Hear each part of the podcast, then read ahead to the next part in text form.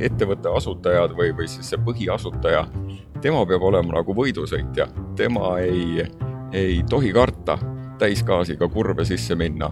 Ja, ja, ja kui ta selle läbib, jääb ellu ja naeratab, siis, siis ta ka kindlasti võidab selle võidusõidu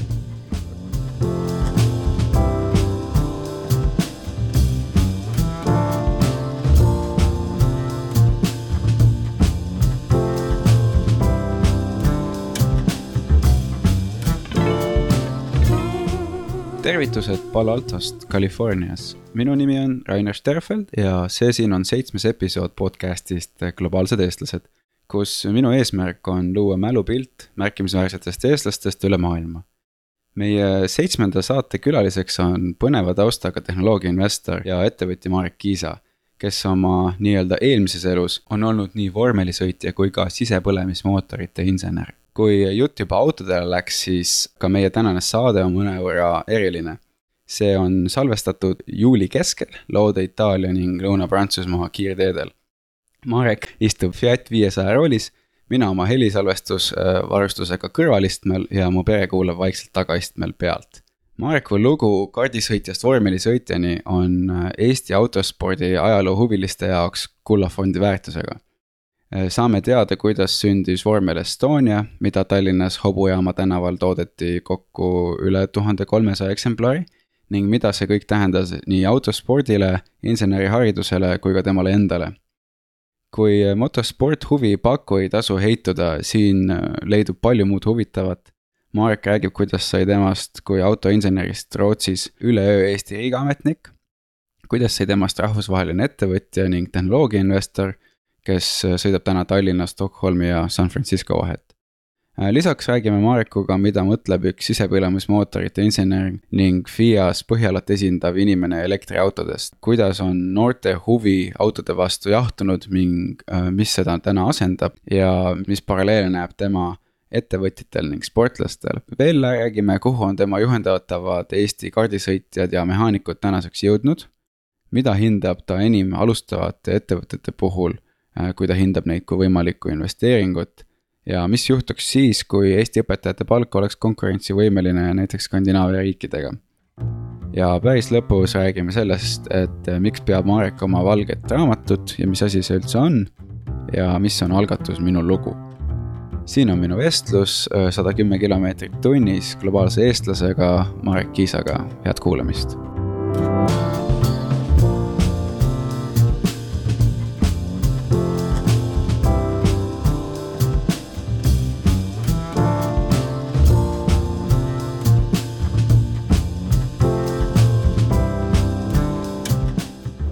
tere tulemast saatesse, Marek. tere, tere. sõidame mööda Itaalia rannikut, mitte kaugel Modenast, millel on suur äh, ja pikk autospordi ajalugu ja sõidame Prantsusmaa suunas. sind, sind tuntakse kui võidusõitjat ja samas ka ettevõtjat ja sa oled aega veetnud ka äh, sisepõlemismootori insenerina ja sa oled olnud natuke aega riigiametnik. Äh, nüüd tuntakse sind rohkem investorina, et kui sinu käest täna küsitakse, kes sa oled, kuidas sa vastad, on sellele üldse lihtsat vastust? ega ei ole. E, mõnes mõttes juba tänaseks päevaks ma tunnen, et ma olen kohati investor, ingelinvestor ja, ja inimhingede insener. E, et kuigi mu põhi või vundament on ikkagi sisepõlemismootorite insener, masinainsener, kõik mis on matemaatika ja füüsika ja loodusteaduste peale ehitatud. kuidas sai alguse sinu äh, autospordi huvi, millest see kõik algab? kuna mu isa on olnud mootorrattur, kes äh, sõitis maailmameistrivõistlustel omal ajal ja, ja tõi mitmeid hinnalisi võite kokku koju, nii et, et ta oli tol ajal siis äh, maailmameistrivõistluste kolmas oli parim koht, keda ei ole siiamaani veel keegi üle löönud, ei siis Eestist ega, ega ka siis endisest Nõukogude Liidust. kuigi ta mind hoidis selgelt mootorratta, mootorrattaga sõitmisest eemale, siis juba kaheteistaastaselt oli mul tohutu huvi selle tehnikaspordi vastu ta viis mu tehnikaspordi juurde sisuliselt läbi koos viidetud, veedetud aja kõik see tehnikaarmastus, see tegelikult pärineb mu isalt. et oleks huvitav teada ka, millega su ema tegeles? no siin on selles mõttes äh, hästi huvitav seis, et äh, ka mu ema oli mootorrattur omal ajal ja, ja üks õdedest Kustelitest, kes siis omal ajal kui need suured võidusõidud käisid Kalevi suursõidud Pirita ringraja ääres, siis, siis see on hästi huvitav paralleel, et need ringrajasõidud Pirita ringraja ääres tõid raja äärde sada kakskümmend tuhat inimest. see on, kui kõige helgematel päevadel meie laululava kaare all siis on olnud inimesi, kui me endid vabaks laulsime ja, ja suurtel laulupidudel. Et samasugune mass inimesi käis omal ajal pöialt hoidmas Pirita ringrajal. niisiis Eesti sõitjatele, et nad oleksid kiiremad, paremad kui Läti sõitjad või Vene sõitjad ja kõik see kaks, sada kakskümmend tuhat inimest mahtus sinna Pirita mändide alla ära ma ei teadnudki seda fakti, see on, see on väga suur number. ühesõnaga, sa ja, sündisid äh, autosporti, kui nii võib öelda ja, ja, ja millest sa alustasid? kuna meil selle mootorratta pool oli siis noh, nii-öelda keelatud, siis äh, jõudsin äh,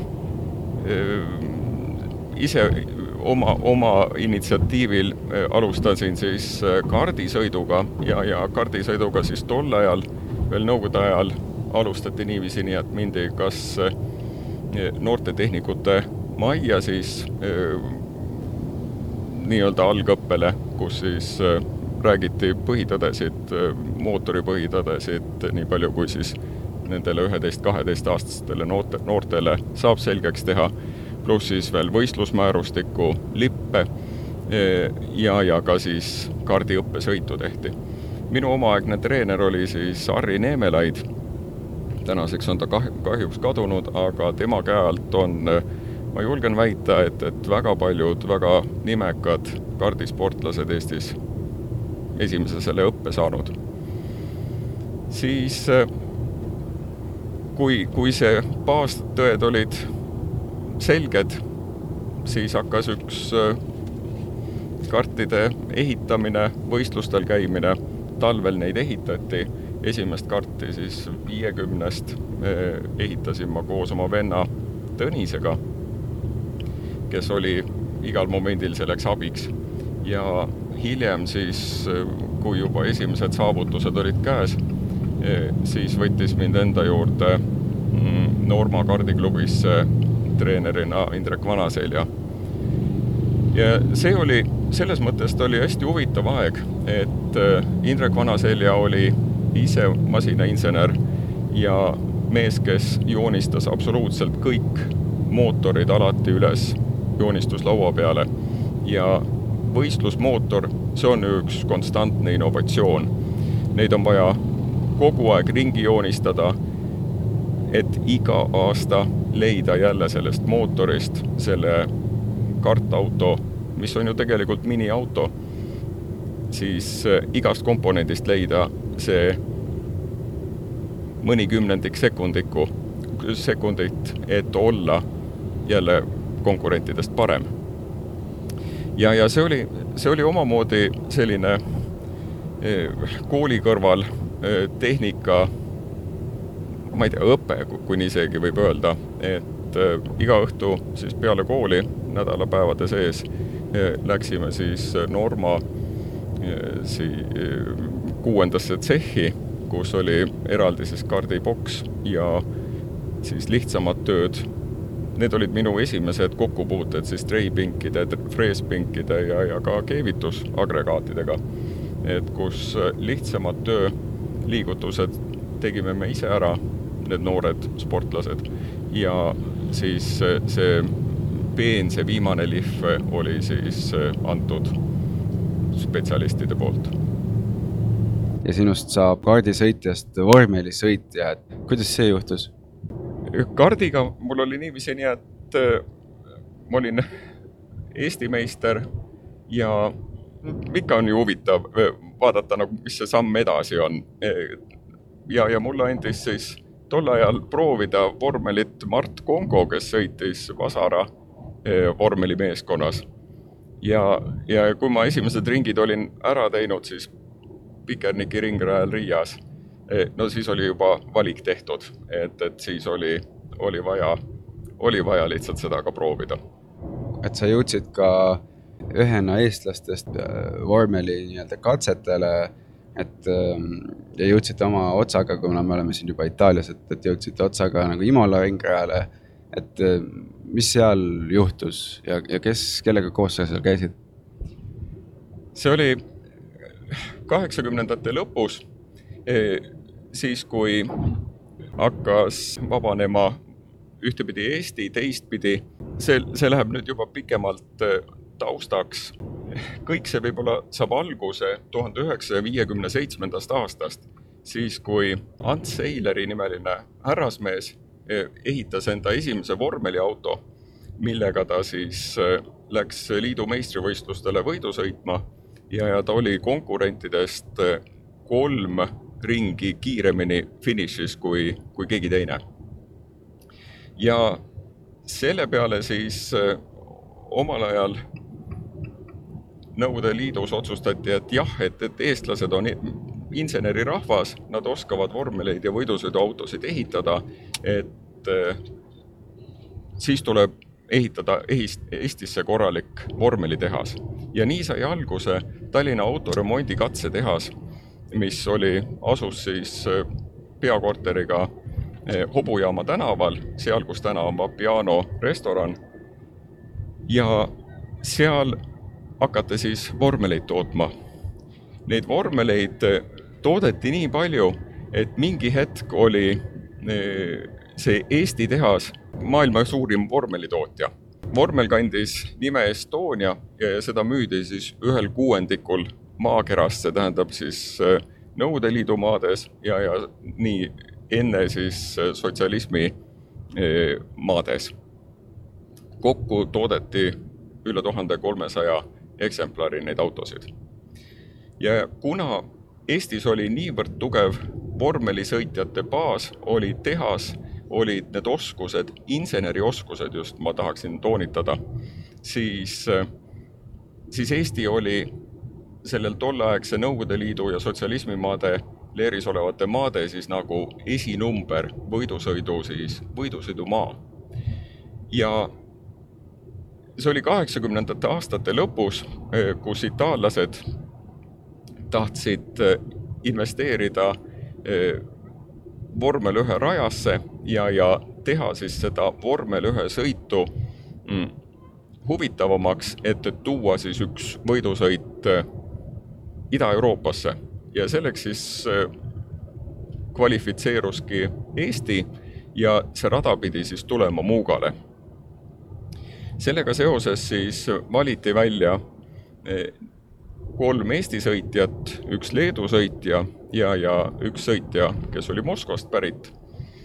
Mm, ja, ja viidigi siis Itaaliasse testima Imola ringrajale, et, et kelle, kellest siis võiks saada need kaks noort võidusõitjat siis, kelle see Itaalia tiim kasvataks siis või õpetaks siis F1-ni välja ja, ja mina olin siis üks õnnelik Ott Vanaselja ja, ja, ja Urmas Põllu kõrval siis kolmas eestlane, keda siis testiti Imola ringrajal kaheksakümnendate aastate lõpul.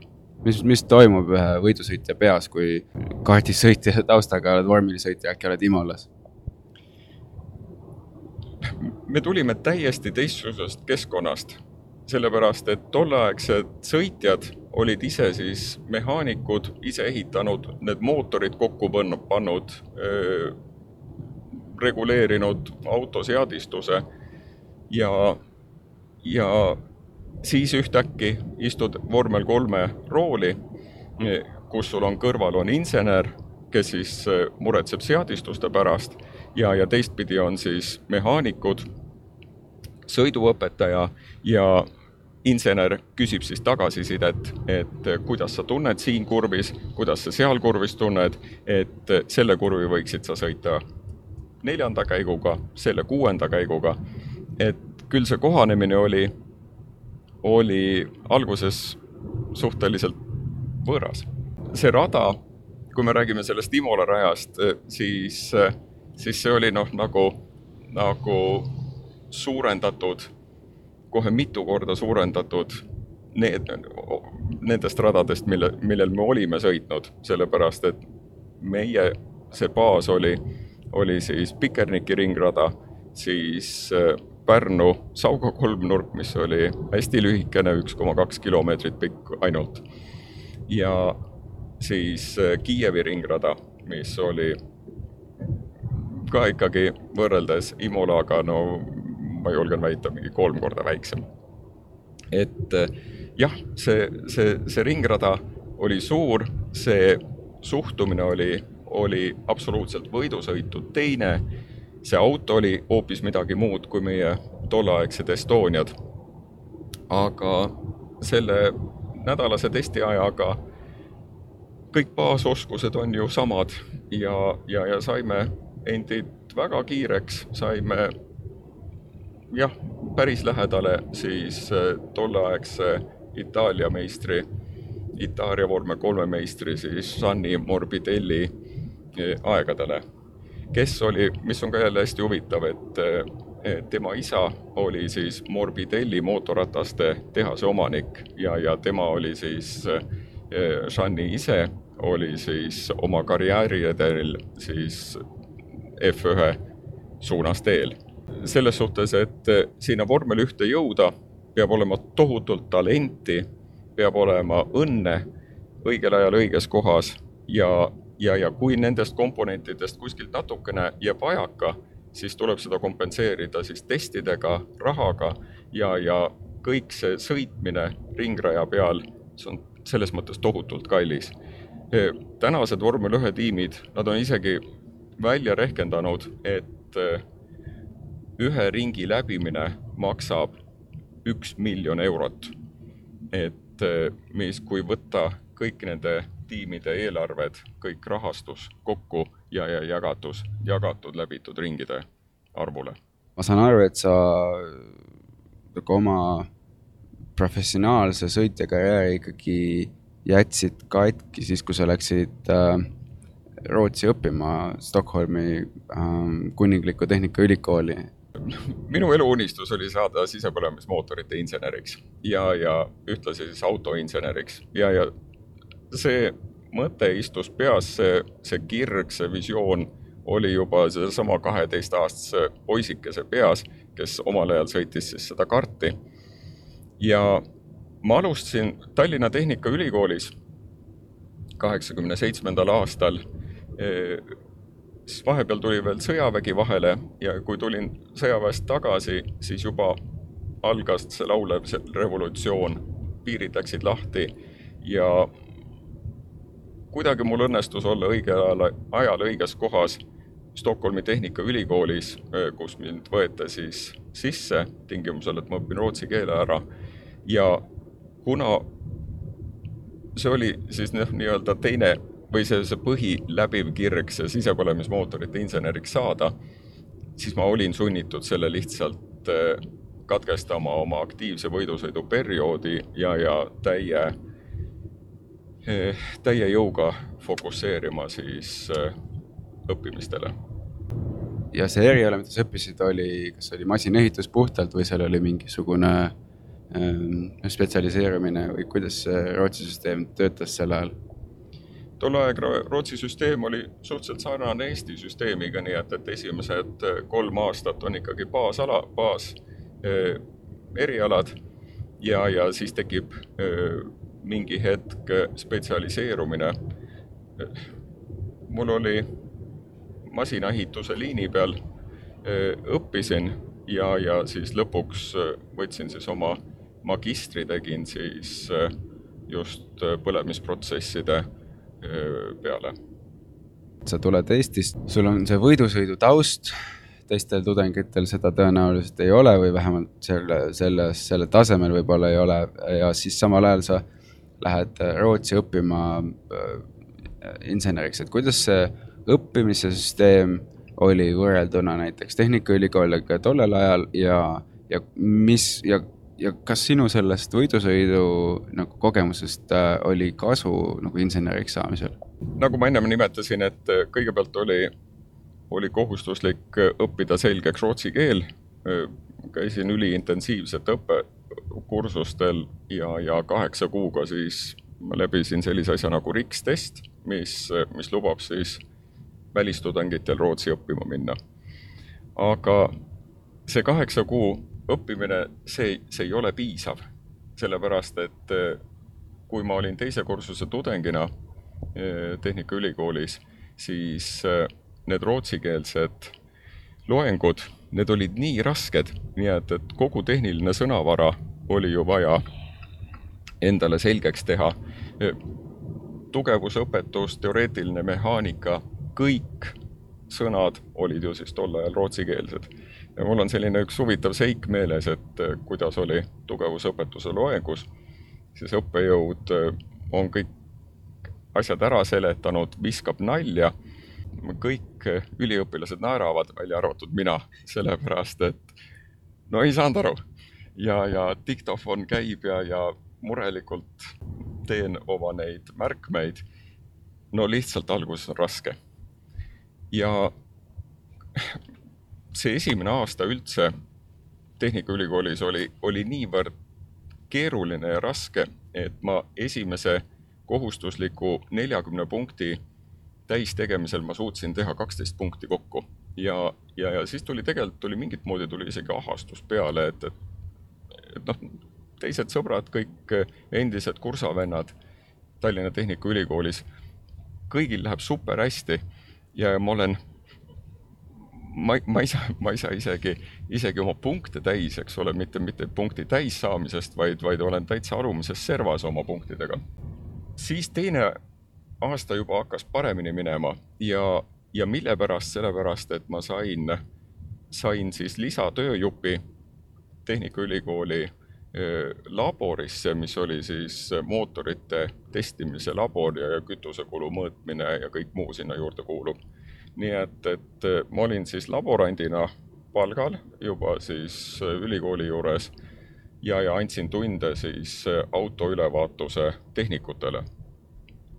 siis läks keel, läks hüppeliselt, oskused paranesid ja, ja ka muu kooliõpe läks paremini käima ja, ja siit tuleb ka jälle see võidusõidu link, et ma ei oleks kunagi saanud seda laborandi tööd, kui mul ei oleks kokkupuudet olnud nende mootoritega varasemast elust. nii et, et, et siin see võidusõit nagu teistpidi jälle aitas mul hakkama saada selle ülikooliga. ja ülikoolis sa, noh, sa tegelesid sisepõlemismootorite äh, hingeelu õppimisega, teil olid äh, katselaborid, ma tean äh, ka omast käest, mida me Tehnikaülikoolis õppisime, kuna ma alustasin ka masinaehitajana. ja, ja samal ajal ma tean, see on natuke kõrvaline küsimus, aga ma, see on ikkagi nii huvitav, me oleme siin Itaalia kiirteedel ja meist sõidab kogu kogu ähm, autotööstuse ajalugu meist sõidab mööda, meil on siin mootorrattad, meil on väiksed, väiksed Fiat viiesajad, mingid vanad äh, meil on mingid täiesti uued Fiat viiesajad, mil ühes sõidame me ise, siin on kõik BMW-d, Volkswagenid äh,, Fiat Cinquecentod, siin motorollerid, mootorrattad, veokid, noh, siin, siin tõesti ja vanad ja uued. ja, ja samal ajal ma tean, et sa oled ju tegelikult elektriautode selline kirglik pooldaja, huviline, et kuidas kuidas saab ühest sisepõlemismootori insenerist elektriautode pooldaja, ma tahaks seda ka teada. kuigi ma ise olen ka elektriautode väga-väga suur pooldaja, aga, aga igalühel on oma lugu. mis on sinu lugu? elektriautod ju ei ole mitte midagi uut. Ferdinand Porsche võttis esimesed patendid elektrimootorite ja elektriauto peale tuhande üheksasaja kolmekümnendate aastate alguses. samas jälle, kui me toome ka paralleeli, siis näiteks äh, lennundusega, siis kolmekümnendate aastate mm, Spitfire'i lennukitel olid BMW mootorid karburaatoritega. ja, ja et äh, lennata siis tagurpidi, selleks oli vaja siis kiiresti arendada läbi innovatsiooni siis kuidagi äh, mingisugune uus sisse, sisse pritsesüsteem mis toimiks, et need lennukid saaksid tagurpidi sõita ja, ja seega siis sõjas olla edukamad. sealt arendati siis mehaaniline sissepritsesüsteem välja. mingi hetk see sissepritsesüsteem tuli autodele ja, ja see aitas heitgaase kontrollida, kuna heitgaaside normatiivid lähevad aina vähem võib, võib see tänapäevane auto meil saastada seda keskkonda, efektiivsemalt peavad katalüsaatorid töötama ja see tehnika läheb kapoti all aina keerulisemaks ja keerulisemaks. aga mingi hetk ta läheb nii keeruliseks, et me ei suuda seda pikaealisust garanteerida ja seal tuleb siis jälle see nõks sisse, kus mingisugune asi läheb ajaloo prügikasti ja uus asi võtab üle. mina julgen täna väita, et elektriauto, elektrimootorid tänu siis akude arengule on teinud niivõrd suure hüppe, et nad täna juba asendavad sedasama vana head kulunud sisepõlemisprotsessi ja, ja mingi hetk nad lükkavad no ütleme, tänavasõiduautode puhul selle tehnoloogia siis ajaloo prügikasti. samal ajal oled sa, või no olid sa, ütleme, esimene eestlane FIA siis äh, juhtimise juures. ja me siin me räägime, eks ole, elektriautodest ja nende tulevikust äh, ma ei tea, kui palju FIA vaatab selles suunas, et ja sa oled tänasenigi ju mingi meie nii-öelda Eesti ja ma ei teagi, Põhjaregiooni, sa pead ise seda mulle ütlema, mis regiooni esindaja FIA-s.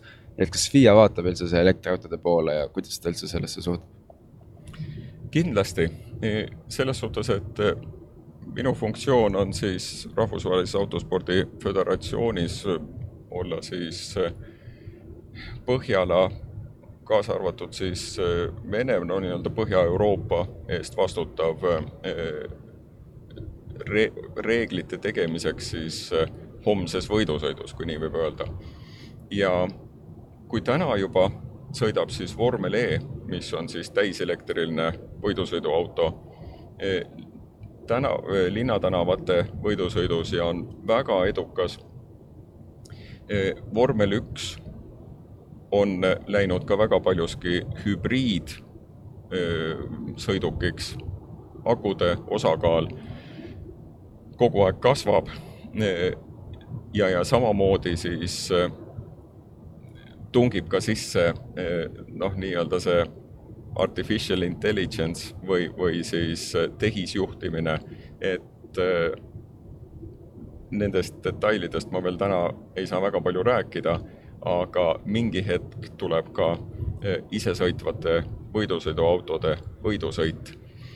et ja need on kõik, nende strateegiate väljatöötamine ongi siis sellesama komisjoni töö ja, ja julgen väita, et, et, et, et seal mõeldakse innovatsiooni peale väga, väga palju pa,. paar huvitavat küsimust tuli kohe meelde selle, selle autovõidusõiduga seoses ja, ja tulevikuga seoses. et esiteks, et sa mainisid äh, artificial intelligence'i ehk siis tehisintellekti ja teiseks me räägime elektriautodest ja siis tavaautodest ja nii edasi, et meie ühine hea tuttav, kellel on ka üks väga tore kiire auto ähm,, me rääkisime temaga sellest, sest ta tahtis seda müüa ja siis, ja siis äh, ta pakkus seda ka oma mingile noorele sugulasele kui kingitusena ja siis ta ütles, et ja siis see noor, umbes kahekümne ühe või kahekümne kahe aastane ütles, et teda ei huvita see ja, ja sedasama asja ma olen kuulnud ka teiste käest, et noori nüüd nii palju ei huvitagi enam tänapäeval autod ja sest noh, tähendab isesõitvate autode päralt on tulevik ähm,. Neid huvitab ähm,, tänapäeva auto on hoopis äh, nutitelefoni informatsioon ja ka ambitsioon, et kuidas, kas, kas sulle tundub samamoodi ja mis tundega seda kõike vaatad üldse, kui, kui ütleme, võidusõitja ja mismoodi sa ise mõtled oma äh, um,, ma ei tea uh,, poegade tuleviku üle ja, ja nii edasi? siin on hästi huvitav statistika, mida soomlased välja tõid siin mõni kuu aega tagasi, et nende vanusest kaheksateist kuni siis kakskümmend noorte autojuhilubade taotlused on vähenenud nelikümmend protsenti praktiliselt ja, ja see on, see on peaaegu pool on vahe, vähenenud. ühesõnaga, kui, kui meie noored olime, siis see oli nagu esimene asi oli, et, et autojuhiload ja, ja esimesel võimalusel teenida nii palju raha, et, et saaks auto, et saaks vabadust endale lubada. siis tänane noorus on nii, nagu nad, nad kasutavad nutitelefone hoopis teistmoodi kui nüüd ütleme, neljakümne kuue aastased inimesed, siis nende jaoks ei ole see auto kui selline enam prioriteet. Nende jaoks on, auto on, on kui Uber, mis viib su punktist A punkti B, nende jaoks on siis eh, juba siis eh, ühiskondlik transpordivahend, mis, mis peab väga hästi toimima. tänaste noorte jaoks on pigem tähtis, on kommunikatsioonivahendid. Need peavad olema täiesti piiranguteta ja, ja võimalikult moodsad, võimalikult kiired, nende sotsialiseerumine, õppimine, teadmiste omandamine käib hoopis teise, teistsugusel viisil. ja, ja ma arvan, et, et võib-olla see on, see on ajamärk, see on, see on selge signaal ka, no ütleme siis ka autospordile, see on ka selge signaal ka inseneridele, milliseid oskusi ütleme, tänane, tänane uus insener peab ka siis omama. tooksin selle nii-öelda tuleviku teema tagasi, ma tean, et sa oma äh, lõputöö, kui sa olid veel äh, tudeng, sa, sa võtsid kasutusele arvutid Äh, selleks, et äh, sisepõlemismootori tööd analüüsida ja paremaks teha, et mis oli sinu lõputöö teema ja miks sa selle teema valisid? minu lõputöö teema oli siis äh, arvutada välja katalüsaatori temperatuur erinevatel tööhetkedel Saab, tol ajal oli, oli veel siis Saab üheksa tuhat käibel ja, ja selle auto siis erinevaid parameetreid mõõtes teha selline arvutusmudel, mis siis aitab ilma füüsilise mõõtmiseta katalüsaatoris eh, ennustada neid temperatuure. ja, ja tol ajal, kuna ülikoolis oli, oli hästi, hästi tihe koostöö eh, erinevate osakondade vahel, eh, ühtepidi siis, siis majandusosakonna kui ka siis arvutitehnika osakonna vahel. Ja ja mina sain selle, selle töö siis teha siis kasutades närvivõrgustikku ehk siis selle mudeli välja treenimisel kasutada kõike autot ümbritsevat infot erinevatest mõõtepunktidest mõõdetuna, pidi siis see närvivõrgustik välja arvutama siis selle õige katalüsaatori temperatuuri. see töö kestis mul kolm kuud see sai õnnelikult valmis. magistrikraad sai, sai kaitstud.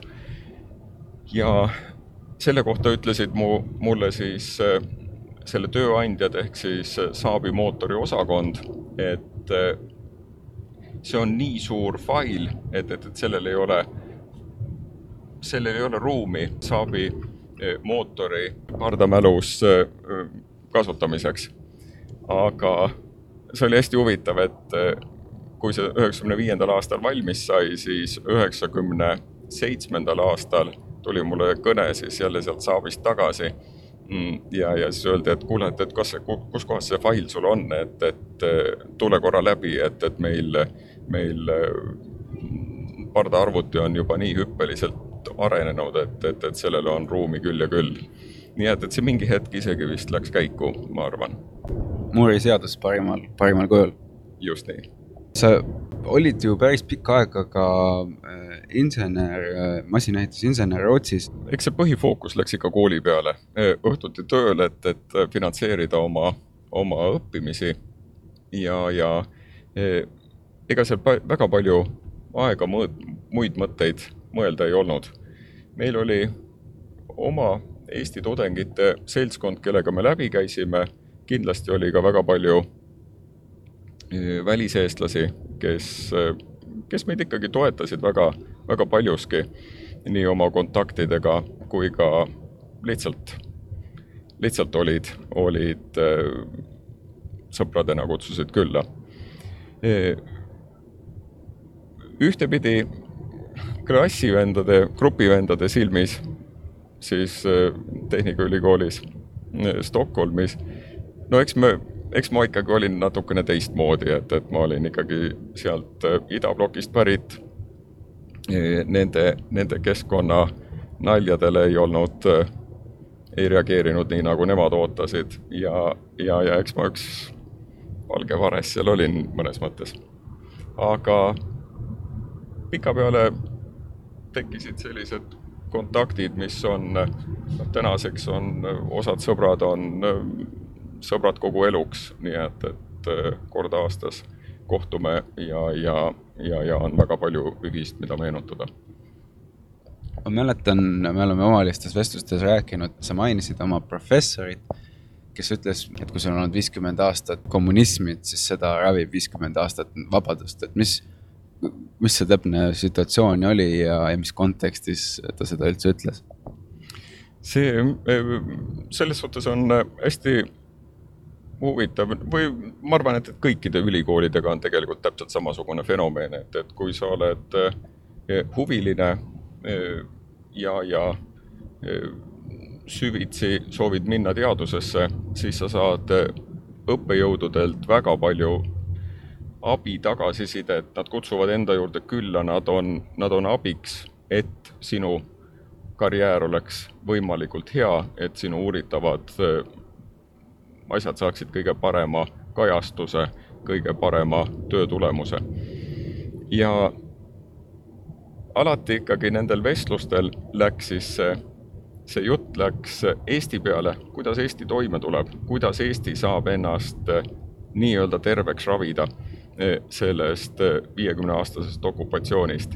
ja sealt tuligi siis seesama ütelus, et kui on näiteks ikkagi haigus susse sisse läinud aasta aega, siis selleks ravimiseks, et seda välja saada, läheb ka aasta aega. ja sealt toodi siis ka täpselt seesama paralleel, et, et kui on ikkagi viiskümmend aastat läinud ikkagi viltu, siis kulub kuni viiskümmend aastat, et kõik asjad korda saaks. meil on nüüd pool tee käidud, nii et, et ma arvan, et et viiekümne aasta pärast siis kokku või kahekümne viie aasta pärast, eh, kui meie silmad näevad, et, et siis peaks ju tegelikult olema siis see vaba Eesti täiesti perfektse liini peal. sellega seoses tuleb meelde kunagine president Meri ütlus, et, et Soome on meist nelikümmend aastat ees, siis kui Eesti, Eesti sai vabaks, siis ta ütles, et Soome on meist nelikümmend aastat ees. et seda, seda on noh, mõõta ääretult ääretult raske, ütleme, sa võid mõõta SKT-d ja sa võid mõõta kõiki selliseid empiirilisi asju, aga nagu ühiskondlikku mõtteviisi ja mõttelaadi on ääretult raske, see on nagu põlvkondlik küsimus. Läheme täie, läheme nagu sammu edasi, et me oleme päris palju rääkinud autospordist ja sinu äh, insenerikogemusest äh, äh, Rootsis, et äh, palju, palju sa kokku Rootsis aega veetsid ja, ja kuidas juhtus nii, et sa Eestisse tagasi tulid? Rootsis kokku ma elasin äh, kaheksa aastat, viis aastat oli siis see koolitee. E, ja, ja sellele järgnes siis kolm aastat äh, töötasin inseneribüroos Connort Engineering. see oli hästi selline huvitav büroo, ta oli äh, kaheksa inseneri omal ajal lõid selle büroo ja ja mind siis nobiti noh, nii-öelda siis viim-, koolipingist ära sinna ühe hästi huvitava projektiga, mis oli siis äh, muutliku ehk siis varieeruva kompressiooniga mootori konstrueerimine. See oli, sellel oli aluseks ühe rootslase Lars Hedelini poolt kokku pandud patent, mille järgi siis tuli ehitada selle mootori prototüüp esiteks äh, planeerida, konstrueerida sel-, silindri pea äh, prototüübi jaoks, teha kõik arvutused ja, ja konstrueerida siis see nukkvõlli süsteem sinna peale. ja minu jaoks kooli lõpetanuna see tundus nii pööraselt huvitav, et, et mul oli, see oligi minu kirg siis seda, seda kolm aastat seda projekti teha. see projekt sai valmis kolme aastaga. see mootor oli siis kütusesäästlikum kaksteist protsenti ja see läks siis, Volkswagen ostis ära selle, selle lahenduse, selle disaini, selle patendi ja meie andsimegi siis üle selle, selle siis Volkswagenile. minu meelest oli kaks või kolm aastakäiku neid mootoreid ka pandi siis Volkswagen Polodesse sisse. kui see projekt oli valmis, siis oli üks hästi huvitav seik. olime aastavahetusel Eestis ja üks hetk helises äh, telefon, siis mobiiltelefon äh, mu isiklikul numbril ja, ja helistajaks oli siis tollane teede- ja sideminister Raivo Vare ja, ja ta ütleb, et, et tere, et äh, minu nimi Raivo Vare, et sain su numbri siin oma tuttavate käest ja, ja, ja tean, et, et sa oled masinainsener, töötad Rootsis, õppinud Rootsis, et eh, on sul aega tulla eh, siis uuel aastal, see oli siis, ma ei tea, teine või kolmas päev jaanuarikuud, korra läbi siis Viru tänava ministeeriumi majast, et, eh, et, et teha väike vestlus. ma olin suhteliselt jahmunud sellisest kõnest ja, ja noh, vastus oli absoluutne jaa, loomulikult ma tulen.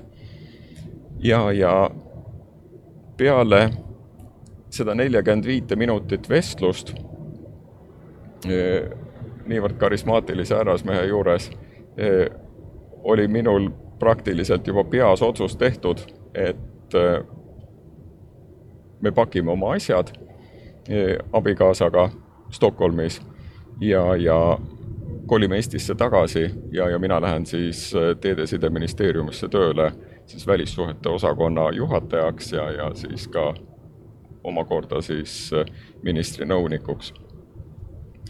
et äh, selliste otsuste tegemine on tegelikult tohutult raske, aga mul oli kaks valikut. Äh, Rootsis loomulikult seda tööd seal inseneribüroos jätkus alati ja, ja oleks jätkunud ka tänase päevani. Mm,, siis ma oleks lihtsalt valinud uue projekti, aga me olime perega ka selles mõttes valiku ees, et, et kui me see moment oleksime juba ennast eh, võtnud korraliku kodulaenu ja, ja ostnud endale elamise, siis me oleks ennast juba ankurdanud eh, Rootsi külge kinni. Ja, ja siis oleks olnud suhteliselt raske ära tulla nii et, et see moment oli kuidagi minu elu jaoks või meie elu jaoks oli, oli see õige otsus, kuigi palk oli, minu meelest see oli isegi kolm korda väiksem palk, mida ma sain tol ajal siis Eestis. aga samas see töö oli niivõrd palju huvitavam, sest et minu ülesandeks oli, oli siis äh, suhteliselt palju reisida see oli veel siis tol ajal Pariisi, Brüsseli ja Tallinna vahet ja, ja ülesandeks oli siis planeerida tänaste ja noh, ütleme ka siis juba eilsete eh, Euroopa Liidu eh, abirahade eh, eelprojektide ja arengukavade tegemine siis tol ajal.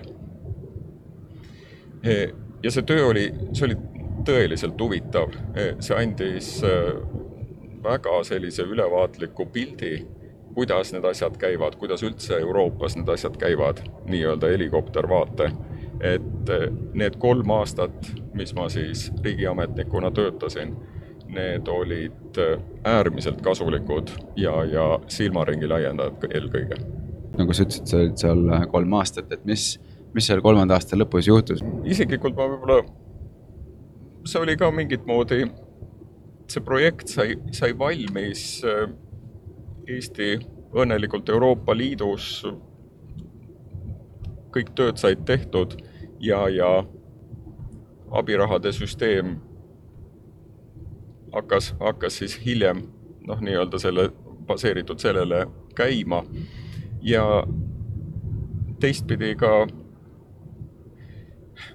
mul oli ka jälle valiku koht, et kui, kui ma oleks jäänud pikemaks, siis oleks võib-olla isegi poliitikasse pidanud minema, aga, aga kuna mu valik oli pigem ettevõtlus, siis, siis sealt ma läksin edasi siis juhtima ühe mm, Rootsi börsiettevõtte tütarettevõtet mis toimis Tallinnas, meil oli sada kakskümmend inimest tööl ja, ja, ja, ja seda hakkasin siis, siis peale tööd Teedesideministeeriumis juhtima mina siis ettevõttes nimega Scanditron. ja siis sinust saigi, ütleme, ütleme ettevõtja, aga ma, sa vist, sa vist äh, alustasid ettevõtjana varem või, või kuidas sai alguse üldse sinu ettevõtja karjäär kogu selle muu ähm, ütleme, teekonnaga paralleelselt? minu esimene arve, mis, mis on siiamaani tegelikult meeles, mille mina olen siis välja kirjutanud sellisest ettevõttest nagu äh,, nagu Astrek kunagi mm,, oli, oli siis, kui ma juba õppisin Rootsis ja, ja, ja teenisin lisa siis tehniliste tekstide tõlkimisel eh, küll inglise keelest eesti keelde, küll rootsi keelest eesti keelde ja, ja kliendiks oli siis tol ajal oli, oli Eesti Raudtee või tema keegi allhankija, kellele ma tegin seda, seda siis allhanget või, või tööd. Mm.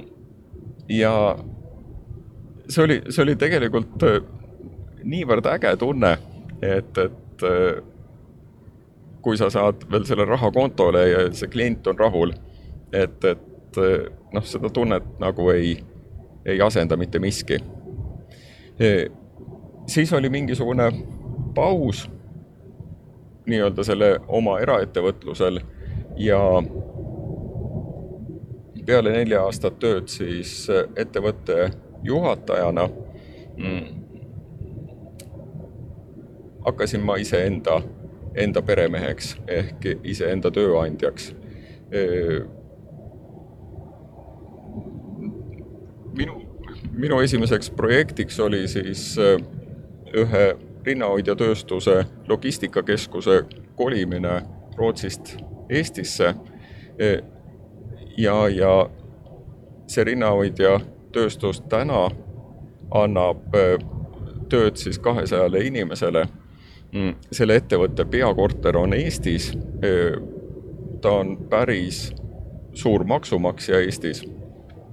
ja, ja, ja, ja kogu see toodetud kaup läheb siis kuuekümne protsendi ulatuses Rootsi, vabandust, Saksamaale, ülejäänud siis Inglismaale, Rootsi, Prantsusmaale. ja mis on hästi huvitav, et see omanik otsustas just kolida selle ettevõtte peakorteri IT-süsteemid, IT-süsteemide lahendused, logistika, mis on väga IT-mahukas, just Eestisse, sellepärast et Eestil on niivõrd hea IT-maine kogu maailmas. ja, täna on sellest äh, rinnahoidja tootmistööstusest saanud sisuliselt IT-ettevõte. me ise naljatades ütleme, et, et see on IT-ettevõte, mis oskab ka õmmelda imehäid rinnahoidjaid.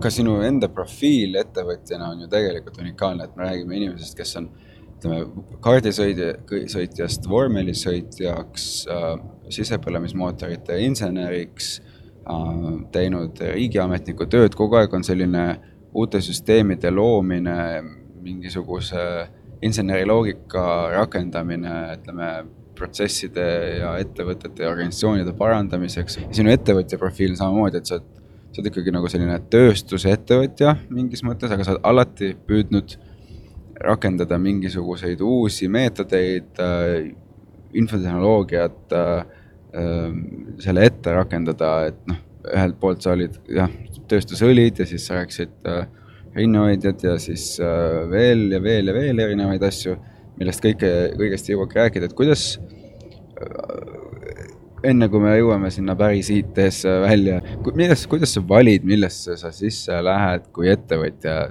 selline ettevõte nagu Astrek Baltic, mille me lõime siis koos hea sõbra ja, ja kaaspartneri Sven Repoga tegeleb siis äh, infra, äh, telekommunikatsiooni infrastruktuuri komponentide disainimise, kokkupanemise ja tootmisega ja, ja klientideks on siis äh, Baltikumi mobiilioperaatorid ja, ja ka Soome operaatorid. E, see oli omal ajal, kui me selle, selle ettevõtte lõime, siis kõik need infrastruktuurid oli vaja välja ehitada ja, ja me olime harukordselt ajastusega õigel ajal õiges kohas ja, ja, ja siit ka noh, võib-olla vastus sellele esimesele küsimusele, et milliste inimestega sa koos tahad töötada, et, et teha ettevõtet. et, et selleks peab see inimkeemia peab olema ka ettevõtte tegemine ja, ja nende founder ite eh, isiklik klapp on ka teataval määral nii nagu abielu või, või kooselu. Et sa pead, see üks founder peab teisest noh, nii-öelda poole sõna pealt aru saama, mida ta tahab öelda, toetada, toetama tema siis puudujääke, ühe, üks toetab teise puudujääke ja, ja sisuliselt täiendab teist. et see on meie puhul täiesti hästi toiminud ja, ja, ja kindlasti ka toimib edasi. viimased kuus aastat on siis äh, läinud äh, selles suunas, et see telekommunikatsiooni äri mm, elab nagu väga hästi oma elu ja, ja, ja, ja kasvab edasi, aga me oleme alustanud ingelinvesteeringutega, et investeerida siis tärkavatesse ettevõtetesse ja mitte ainult üksinda ettevõtetesse, vaid äh, ettevõtjatesse. aga kui ma küsin äh, enne, kui sellesse inimhingede inseneri teemadesse minna, et, et mind tegelikult huvitab äh, väga see, et kui palju on näiteks, näiteks IT-ettevõtjatel ja üldse ettevõtjatel õppida ähm, noh sinu puhul siis ütleme võidusõidust ja üldse sportlastelt, kes siis võistlevad ja ettevõtlus on ka omamoodi võistlus. ja siis samamoodi, et, et kui palju on äh, nagu sportlastel või auto, ütleme siis võidusõidul õppida nagu ettevõtjatel? ma tõmbaksin siin sellise huvitava paralleeli e, sellise mänguga nagu kurling, e, kus siis e, lükatakse jää peal see kivi liikuma ja, ja siis on mingisugune seltskond kõrval harjadega, kes äh, nühivad selle, selle kivi ees ja, ja muudavad selle liikuva kivi suunda siis vastavalt selleks, kuhu suunas see kivi peab minema. et, et see on selline väga kujundlik näide, e, milliseks me tahame, et e, võidusõitja karjäär e, kujuneb. me tahame näha samamoodi liikumas neid ettevõtjaid, neid ettevõtteid, mm, kes peavad maailma vallutama. ja, ja, ja siis tuues siit paralleeli, et äh, need mehed harjadega, need on ju tegelikult, äh, nad on kuskil olemas. võidusõidus näiteks on need mehed, jutumärkides siis harjadega, kes äh, võtavad tõmbavad alla siis selle, selle nii-öelda siis data või, või need kõik need mõõdistused, mis seesama vormel teeb raja peal ja, ja siis analüüsivad seda ja, ja selgitavad siis juhile, kuidas ühte kurvi läbida, et saaks seda kiiremini teha. Teistpidi jälle, jälle needsamad mehaanikud, kes peavad siis koostöös kogu selle tiimiga töötama ja toimetama, et need rattad oleksid kinni, et mootori komponendid oleksid üle kontrollitud, et esitiiva nurgad oleksid õigeks keeratud, et need seadistused, mis insener on siis eda-, edastanud, oleksid õigel ajal paika pandud. Samamoodi on ju ka ettevõtetes see niiviisi, et igal inimesel on oma funktsioon, kuidas ta seda ettevõtet niiviisi toetab, arendab, et ta saaks kasvada suuremaks, globaliseeruda, täita oma ülesannet. et äh, siit saabki neid paralleele tõmmata, et äh, häid ettevõtjaid ja ettevõtteid kasvatada, siis peab neid toetama, abistama, juhendama ja, ja võib-olla ka mõnikord siis kutsuma kedagi teist juurde juhendama. mitu inimest, äh, kellega sa oled äh, nagu koos toimetanud või keda sa oled nagu juhendanud äh,, täna tegelikult äh, toimetavad absoluutses tipus. tahad sellest rääkida natuke, sest ma ei, ma ei tegelikult seda, kogu seda lugu ei teagi. see on, see on nüüd olnud äh, selline pikaaegne hobi, kolides tagasi siis Eestisse peale seda Rootsi aega, kus, kus võistlu- või autovõidusõiduga oli praktiliselt null kokkupuudet, siis kahe tuhande viiendast aastast olen olnud siis Eesti Autospordiliidu juures eh, ringrajakomitee esimehena, vabatahtlikuna seda ametit pidanud ja, ja paralleelselt siis ka juhendanud sellist võidusõidutiimi nagu Scuderia Nordica, kus on läbi käinud, siis just lugesin kokku näppude peal kolmteist noort väga vahvat võidusõitjat, kes, kes on siis oma noh, nii-öelda siis võidusõidukarjääri alguse saanud meie tiimist, kusjuures üks nendest on ka tütarlaps, kes tänaseks on väga tubli väikeettevõtja ja, ja omal ajal siis äh, sõitis Eesti meistrivõistluste mm,, meistrivõistlustel võttis mitmeid poodiumi auhinnalisi kohti. Ja ütleme siis võib-olla kõige kaugemale on jõudnud siis äh, Ralf Aron, kes teeb mehetükke siis Euroopa vormel kolme sarjas ja, ja Martin Rump, kes on äh, hästi kiirete Audide sarjas Hiinas äh, juhib praegu hetkel seda sarja.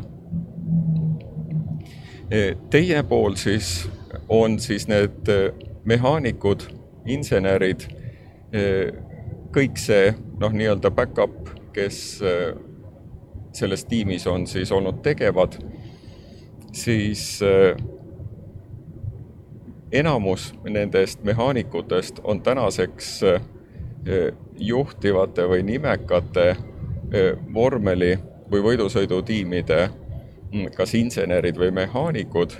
Ja ka on siis mõni poiss on neist juba Königsegi juures, mm, kus on siis täna vist hetkel neli või viis eestlasest vor-, tudengivormeli insenerist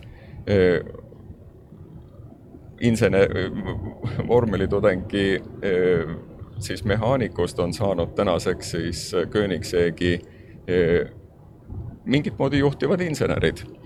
mehed, kes ehitavad maailma kõige ägedamat tänavasõidu siis sportautot igapäevaselt. Mis tunnelus sul on seda, seda vaadata?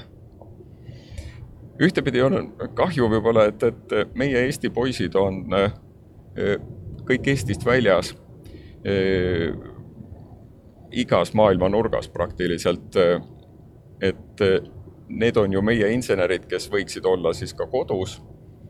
teistpidi ma olen täiesti veendunud, et mingi hetk nad tulevad kõik Eestisse varem või hiljem tagasi, kui nad saavad oma lapsed Eh, kui nad loovad oma pered, siis eh, aga mis neil on kaasas sellel, sellel väljas oldud ajast no nii-öelda kaasa võet-, võtta, on tegelikult hindamatud oskused ja, ja kompetents, kuidas ajada äri siis noh, nii-öelda tipptegijate hulgas.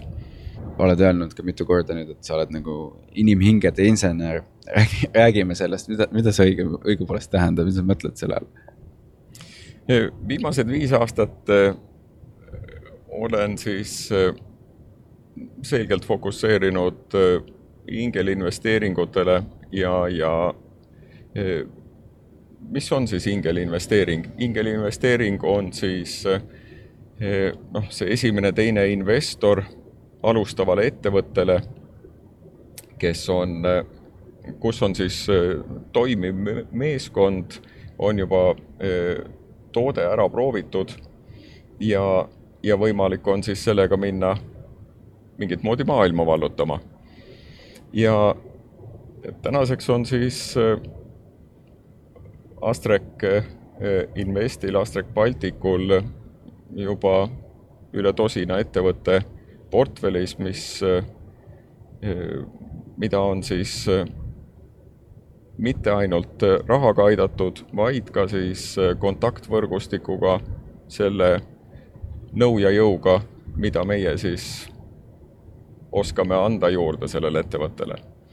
ja eks meie roll ongi ka väga paljuski aidata siis sellel noorel ettevõtjal olla siis see inimhingede insener ja, ja, ja teda nõustada, kes need võiksid olla mm, antud valdkonna spetsialistid, keda tal on juurde vaja. sa oled hakanud käima mitte Eesti ja Rootsi vahet, sa oled hakanud äh, tihti käima ka ütleme, Tallinna ja San Francisco vahet. Ähm, sa lõpetasid äh, nüüd äh, umbes kuu aega tagasi teise eestlasena Kaufmanni programmi Stanfordis ja oled nii-öelda, kuidas öelda, väga tihti öeldakse, et noh, selline üks hea VC fond on selline kümme aastat, noh, ingelinvestoritel tihti sellist nagu fondi pikkust ei ole ja sul on mingisugune oma, oma süsteem, ütleme noh, viis kuni seitse aastat võib lugeda küll selliseks heaks tsükliks, et sa oled ühe tsükli läbi teinud, et mis sa oled õppinud selles, selle seitsme või ütleme kuue aasta jooksul äh, see oma esimese tsüklina, nüüd kus sa oled värskete paberitega Kaufmanni äh, lõpetanu ja sinu esimene investeering GrabCAD äh, on äh, väga edukalt äh, um, oma uue kodu leidnud ja, ja sinu jaoks investorina õnnelikuna, õnneliku lõpu leidnud, et äh, kuidas sa nüüd uuele tsüklile, kui seda võib niimoodi nimetada, üldse otsa vaatad, ühtepidi seda on kõik targad inimesed siin juba varemgi öelnud, et eks see ajastus on see kõige tähtsam. et, et millal tootega turule tullakse, millal oma asjadega valmis saadakse, millistele turgudele minna ja aga ärme sellest praegu räägi, sellepärast et see on, see on väga paljuski ennustamine, võib-olla ka mingit moodi siis kogemuslik tunnetus. Aga teine, kõige tähtsam punkt on ikkagi seesama meeskond, seesama founder ite või, või siis selle ettevõtja asutajate e, seltskond ja, ja nendega siis selline nagu sellise mentaalse kliki ja usalduse tekkimine. ja, ja kui see kui see klikk ja see usaldus on tekkinud, eh, siis, eh, siis saab, siis saab mägesid liigutada. Et eh, minu jaoks on see kõige tähtsam. kui see asi toimib, siis see, see ettevõtte idee võib muutuda ja võib-olla peabki muutuma, et, et kohanduda siis kliendi vajadustele vastavaks. Need ettevõtte ja asu-, ettevõtte asutajad või, või siis see põhiasutaja tema peab olema nagu võidusõitja, tema ei, ei tohi karta täisgaasiga kurve sisse minna. ja, ja, ja kui ta selle kurve läbib ja, ja jääb ellu ja naeratab, siis, siis ta ka kindlasti võidab selle võidusõidu. võidu, võidu, võidusõidu analoogia. võidusõitja e, peab valitsema autot ja, ja, ja tema on siis see, kes läbi gaasi ja rooli annab siis autole käsklusi. ja, ja kui ta on ebakindel nende käskluste andmisel, siis see auto muutub ka samamoodi ebakindlaks. ja kui kurves on auto ebakindel, eh, siis tähendab see, see surve asfaldile on väiksem ja, ja suhteliselt suur tõenäosus on välja lennata. kui see kommunikatsioon läbi gaasi ja rooli on kindel ja, ja täpne, siis seda väljalendamist kurvest ei ole.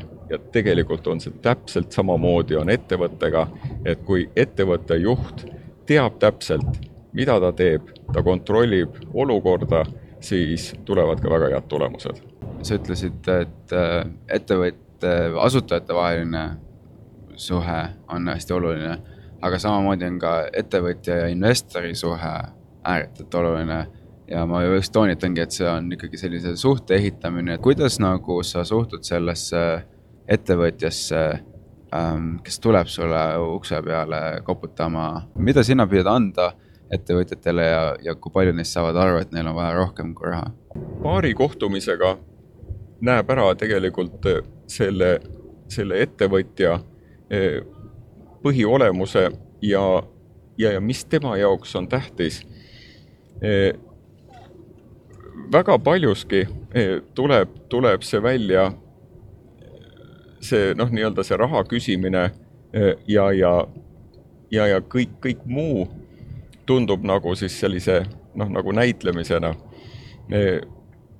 et kui sa oled seda mitu, mitmeid kordi ja päris palju kordi näinud, siis sa tabad selle kohe ära, et, et kas näideldakse, et tahetakse sinuga koostööd teha või, või mitte.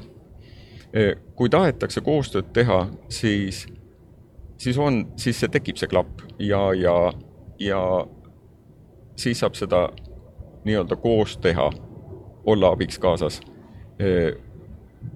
taustjõuna ja, ja siis see raha on ainult vahend, et äh, seda head ideed skaleerida üle maailma. võib-olla paar asja veel, mida, mis mind tegelikult väga huvitab äh, sinu mõtlemise puhul, on see, et äh, ühelt poolt ähm, kui ma ise ka äh, Planet Ossi asutasin ja, ja sai, hakkasin täiskohaga, täisajaga ettevõtjaks, siis, siis selline väär arusaam, et noh, nii kui sa oled ettevõtja, et siis sul on, elu on automaatselt ilus, et see kuidagi, kuidagimoodi manna, taevamanna langeb.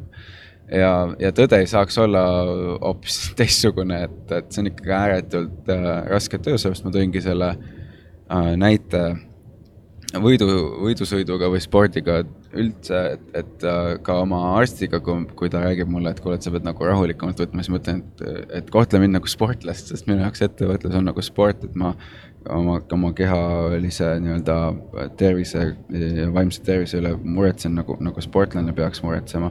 et, et nüüd nagu mind huvitab see, et, et, et äh, mis, on sul mingisugune ettevõtjana nüüd korraks tagasi, et on sul mingisugune ähm, projekt või on sul mingisugune saavutus, mille üle sa tunned erilist uhkust, kui sa oled ise ettevõtja rollis olnud? kui, kui ma nagu eh, täitsa aega tagasi keeran, siis eh, nii-öelda siis see 3D inseneri aegadesse, kus ma istu, istusin arvuti taga ja, ja eh, projekteerisin sedasama silindripea, millest ennem juttu oli, siis mis hiljem Volkswagenile maha müüdi. Eh, ma olin sellega tegelikult tohutult vaeva näinud, see, see projekt kestis, nagu ma rääkisin, kolm aastat, siis teise poole aasta lõpuks Äh, oli siis see prototüüp 3D DS valmis, see oli valmis prototüübitud ehk siis 3D äh, prinditud.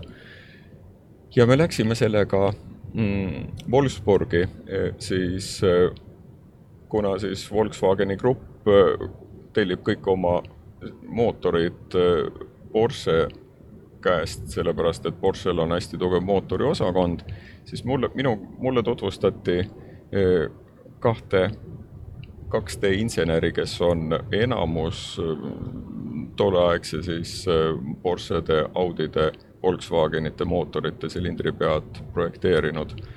ja, ja nemad olid siis need, kes olid siis 2D jooniste peal need üles joonistanud ja, ja nad suutsid projekteerida enda siis silmade ette siis või oma peas 3D mudelid ja, ja öö, siis nagu tunnetasid, et, et kui paksud need erinevad seinad on kanalite vahel, et nende jahutavus oleks kõige parem ja kõige optimaalsem. ja kui nad vaatasid seda minu 3D mudelit, mis oli nende jaoks ikkagi täiesti uus tehnoloogia ja, ja, ja siis nad kiitsid selle heaks, ütlesid, et, et, et noor kutt, et täitsa äge töö.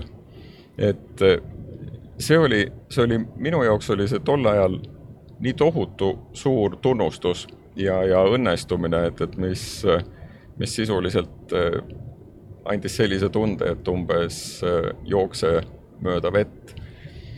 Mm.. ja võib-olla teine, teine moment, et eh, kus ma, kus ma ennast ka võib-olla tohutult hästi tundsin, et eh, ma arvan, et, et see oli võib-olla Astrek Balticu päevilt, eh, kui me Sveniga oma esimese aasta nii-öelda tulem-, tulemusi vaatasime ja, ja nendega pööraselt rahul olime, sest me olime ka päris põhjalikult päris palju selle alg-, algu-, alguse peale tööd teinud, panustanud ja, ja, ja see tulemus, see oli hea tunne. kui sa valid oma ettevõtteid, siis noh, sa oled maininud, nüüd rääkisime ettevõtjate omavahelisest koostööst, ettevõtja investori vahelisest koostööst mida sa otsid ettevõtetes, kes tulevad oma ideed tutvustama? Selles suhtes, et ma pean sellest ettevõttest, ma pean saama aru, ma pean aru saama, mida nad teevad ja, ja, ja see, seal, seal peab mingisugune haakuvus olema siis minu, minu koolitusega, minu kogemusega. et ma saaksin tõmmata mingisuguse paralleeli, mis mis äh, läheb otsapidi kokku. sellepärast, et kui ma sellest asjast aru ei saa, siis ma reeglina seda ka ausalt ütlen välja, et lihtsalt ei saa aru ja, ja, ja ma ei saa teile millegiga kasulik olla. Ja kui ma ei saa olla kasulik, siis mul pole mõtet seda tööd teha, siis on see loll raha, mis läheb sinna ettevõttesse minu puhul. Me oleme lähenemas Prantsuse-Itaalia piirile ja me teeme siit väikse pausi ja tuleme, tuleme varsti tagasi.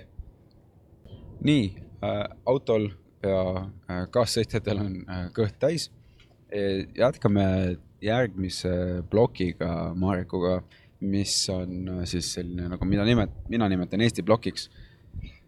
et Marek äh,, me oleme rääkinud nüüd äh, sinu lugu ja mida me ei ole rääkinud, on äh, sinu Eesti lugu nii-öelda, mida sa mõtled Eestist ja äh, kuidas sa mõtled Eesti peale. on sul mingi eriline paik Eestis? minul on kaks erilist paika on Eestis. ühtepidi on äh, Hiiumaa, on mulle kuidagi mingit moodi eriliselt kallis, sellepärast et mu vanaisa kinkis kakskümmend üks hektarit metsamaad mis on Hiiumaal ja, ja see on siis tema, tema või noh, vanaisale pärandatud tema isa poolt. et, et see on läinud sellist eh, Kiisade suguvõsa kaudu siis edasi ja nüüd on, nüüd on need metsad siis eh, minu nimele kirjutatud. teine meelispaik on, on Haabneme Viimsi vallas. ja mille pärast, sellepärast et kõik suved ma olen seal veetnud mu isa sai kunagi suvila krundi sinna ja, ja see on muutunud nii armsaks, et äh, hiljem me ostsime natukene jupikene maad sinna juurde kraavide pindade pealt ja ehitasime oma, oma kodu sinnasama krundi peale, et, et ma olen äh, hingeliselt on selle, selle Haabnemega väga tihedalt seotud. kui keegi küsib äh,, kus on Eesti, kui sa oled äh, väljas väljaspool Eestit ja keegi küsib, kus on Eesti? või tuleb küsimus, et milline on Eesti, siis kuidas sa vastad? ma ütleks, et tänaseks on, on meie president, meie valitsus on nii palju head tööd ära teinud, et mina julgen ja ütlen alati, et, et see on Põhja-Euroopa, see on jupikene, jupikene seda uut Põhjalat ehk Nordicat. ja kui on vaja siis suumida või, või täpsemalt öelda, siis oleme soomlaste lõunanaabrid ja teisel pool on siis Skandinaavia või Rootsi. milline on Eesti? mina olen öelnud, et Eesti on väike tubli IT-maa. Ja sellest tegelikult piisab, sellepärast et kui sealt nendest, eh, sellest lausest midagi klikib, siis saab alati rääkida meie kultuurist, meie põlvnemisest, meie naabritest, meie poliitilisest olukorrast ja samas jälle alati tuleb hoida sellist positiivset nooti. ma ei ole kunagi tahtnud väga detailidesse minna eh, ida pool toimuvast ja, ja Krimmi teemadest ja kõigest sellest rääkides, sellepärast et see annab niivõrd negatiivse vaibi eh, nendele inimestele, kes Eesti vastu huvi tunnevad, et, et see ei vii nagu kuhugi, see ei vii Eestit paremaks, suuremaks ja ägedamaks. mulle tundub, et äh, me, me nagu justkui ikkagi veel tunneme natukene nagu, et me tunneme küll uhkust selle, noh, me ütleme IT-riik, aga samas nagu teiste asjade üle me noh, me, me ei maini neid nii tihti, et selles mõttes, et äh, kas me siis ei tunne uhkust oma mingisuguse ajaloo üle või või meil on lihtsalt mingisugune tagasihoidlik geen, aga mulle tundub, et meil on oluliselt rohkem rikkusi, mida võiks nagu pakkuda ja, ja tutvustada ka kasvõi esimese nii-öelda kontakti läbi, et neile jääks midagi muud ka meelde. Eks me peame natukene rohkem võib-olla seda oma kodutööd tegema. eks me teemegi kogu aeg seda. oleneb ka tegelikult sellest samast vestluspartnerist. teistpidi on mulle tulnud Silicon Valley's eh, juurde inimesed Eh, rääkides siis Eestist ja, ja nemad on, on eh, tõelised Pärdi muusika fännid, kes teavad Eestit ja, ja Eesti, Eesti asukohta ja, ja kultuuri. mida rohkem me müüme, mida rohkem me omale sõpru saame, seda tugevamalt me ka kindlasti püsime.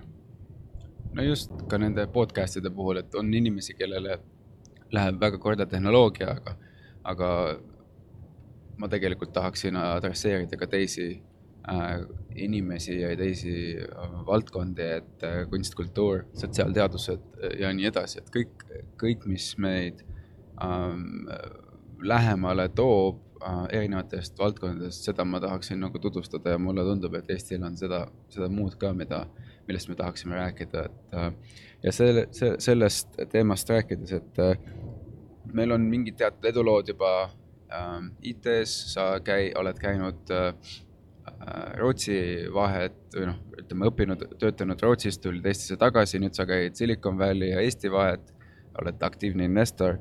mida sa näed, mis on meie sellised tugevused äh,, mis aitavad meil võita?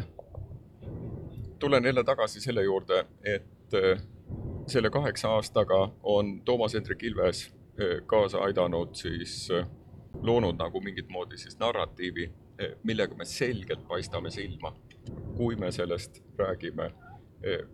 see on, see on midagi, mis on niivõrd jutumärkides teiselt planeedilt nende kuulajate jaoks, et nad lausa ahhetavad. et nende jaoks on see efektiivsus, mida me oma riigis taga ajame, on midagi täiesti ennekuulmatut, mille peale, hmm, mis, mida me saaksime müüa, mida me saame müüa igal ajahetkel eh, kõigile üle maailma. teiselt poolt vaadatuna, et mis on meie nõrkused, ehk siis mida me peaksime arendama sinu arvates, et äh, maailmas äh, paremini läbi lüüa eestlastena? mina arvan, et me peaksime fokusseerima eelkõige oma lastele, sellepärast et see on meie kogu riigi kõige suurem vara. Me oleme maavara vaene maa, praegu on tõstatatud jälle see fosforiidi teema, et, et kaevandame maakera seest fosforiidi, müüme selle maha ja, ja siis jagame selle rikkuse ümber. ma arvan, et, et see ei tohiks kaugeltki mitte olla esimene prioriteet. esimene prioriteet peaks olema, et teeme oma koolid teeme oma õpetajad, teeme oma selle süsteemi täielikult korda. nii et, et õpetajaamet oleks Eestis kõige rohkem austust väärt olev amet, et need õpetajate palgad oleksid konkurentsivõimelised muu maailmaga ja kui see pool on korras, siis need õpilased tahavad rõõmuga koolis käia, teadmisi omandada, saada kõige parem haridus. ja seda ma julgen ka öelda, et juhul, kui need noorhärrad, kes täna inseneridena väljas on, eh, Koenigseegi juures või mõne juhtiva F1 tiimi juures mehaanikuteks või insenerideks. Ja, ja kui nemad omakorda lapsed saavad, siis nad tuleksid suurema heameelega Eestisse tagasi, kui need koolid oleksid niivõrd head, et nad tahaksid oma lapsed sinna kooli kindlasti panna. Ma ei saaks rohkem nõus olla äh, kui see, mis sa praegu ütlesid äh, just nimelt äh, inseneride ja eriti, mis puudutab haridust ja, ja kooliõpetajate ähm, kohta, et inimesed tahaksid ähm, õpetajaametit rohkem kaaluda ja õpetajaamet oleks rohkem au sees. nüüd Eesti Vabariik saab vähem kui kahe aasta pärast sajaaastaseks. milline oleks sinu soov Eesti Vabariigi sajandaks sünnipäevaks mis oleks mõni väike asi, mida me võiksime ära teha? Ma arvan, et seesama podcast on juba esimene samm, kus äh, niinimetatud horisontaalsed üle maailma olevad eestlased äh, suhtlevad omavahel, kommunikeerivad omavahel. ja, ja tegelikult me tahame kõik kõige paremat oma väikesele Eestile. Mm, rohkem suhtlust, meelekindlust ja ka siis võib-olla sedasama kooli, eh, millest ma olen siin rääkinud, et, eh, et me oskaksime sinna Eesti sisse ehitada selliseid magneteid, et eh, need eestlased oma peredega tahaksid mingisuguse perioodi oma elust kindlasti elada Eestis. sellega jõuame saate viimasesse ossa. mul on kiired küsimused, sul võivad, aga ei pea olema kiired vastused mis, mis asi see valge raamat on? valge raamat, see on jälle minu hea professor, kes, kes omal ajal ülikoolis siis mind juhendas. tema ütles niiviisi, nii et, et või tema andis mulle nagu eluks sellised mõningad tõekspidamised kaasa ja üks nendest oli siis seesama valge raamatu pidamine, et, et, et sul on, on oma kuidas sina oled asjadest aru saanud, neid asju dokumenteerid. isegi võib-olla, et see on, see on lühikene lause või, või mingisugused märksõnad. aga et mingisugune märk jääb maha ja, ja, ja kuupäev jääb maha sellest, sellest momendist. ja sellest on mul isegi kasu olnud, et kui ma olen olnud börsiettevõtte Electronic Groupeni tütarettevõtte juhataja siis äh, börsiettevõtte direktorid äh, mõnikord saavad alati mm, teistmoodi asjadest aru, kui, kui sa neile võib-olla seletad. ja, ja sellest on väga palju kasu olnud, kui ma olen jätnud äh, märgid maha ja hiljem siis on lihtsam olnud neid asju selgeks rääkida. kui sa kohtuksid oma kahekümne aastase minaga ja sa saaksid talle midagi öelda, siis mida sa ütleksid?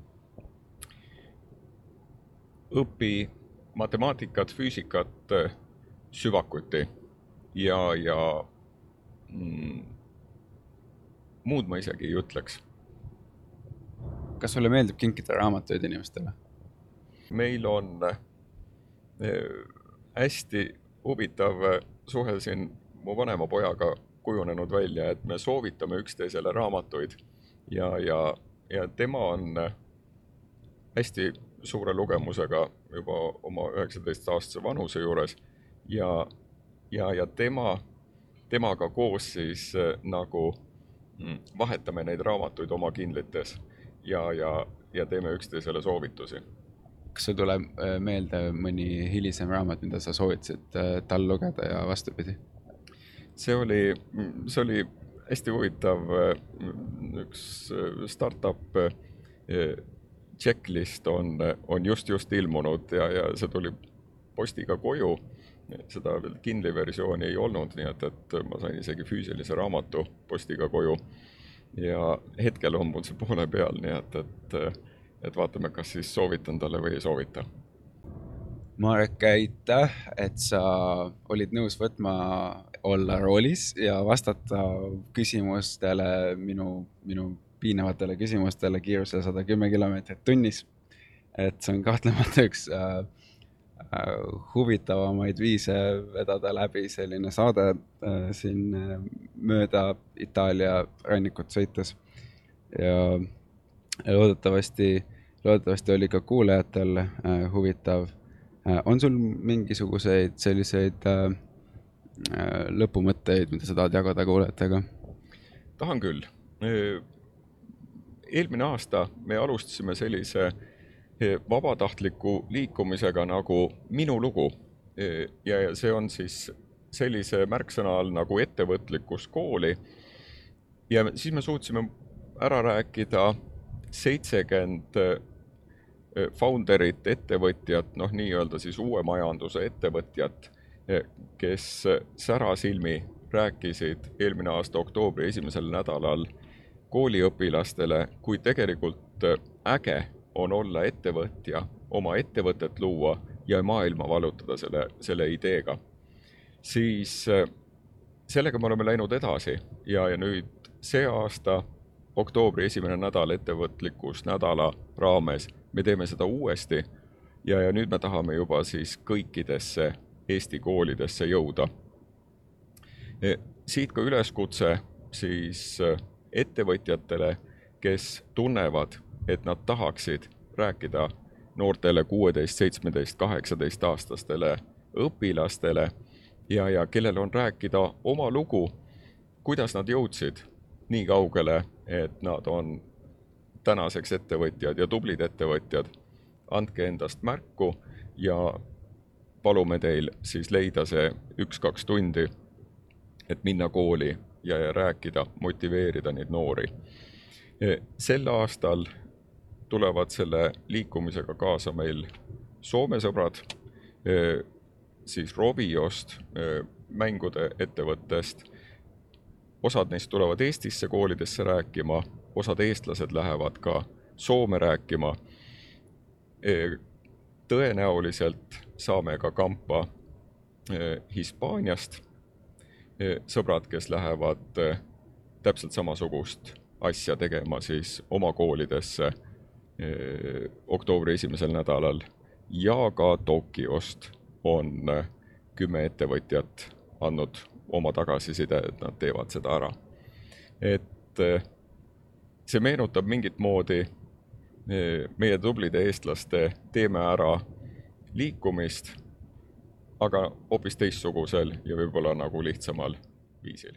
selle nimi on Minu lugu, eh, My Story inglise keeles ja seda siis lükkab selline sihtasutus nagu Tulevikukool. väga tore, ehk siis Minu lugu äh, ja minge otsige äh, Marek üles, kui te kuskil tänaval näete. ja sellega me ka täna lõpetame, päike äh, siin äh, Prantsusmaa lõunaosas hakkab loojuma.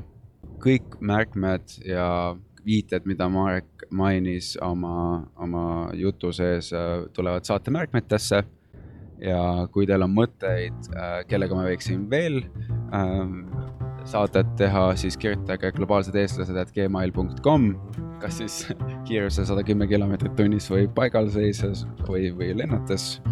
ja kuulmiseni järgmise korrani.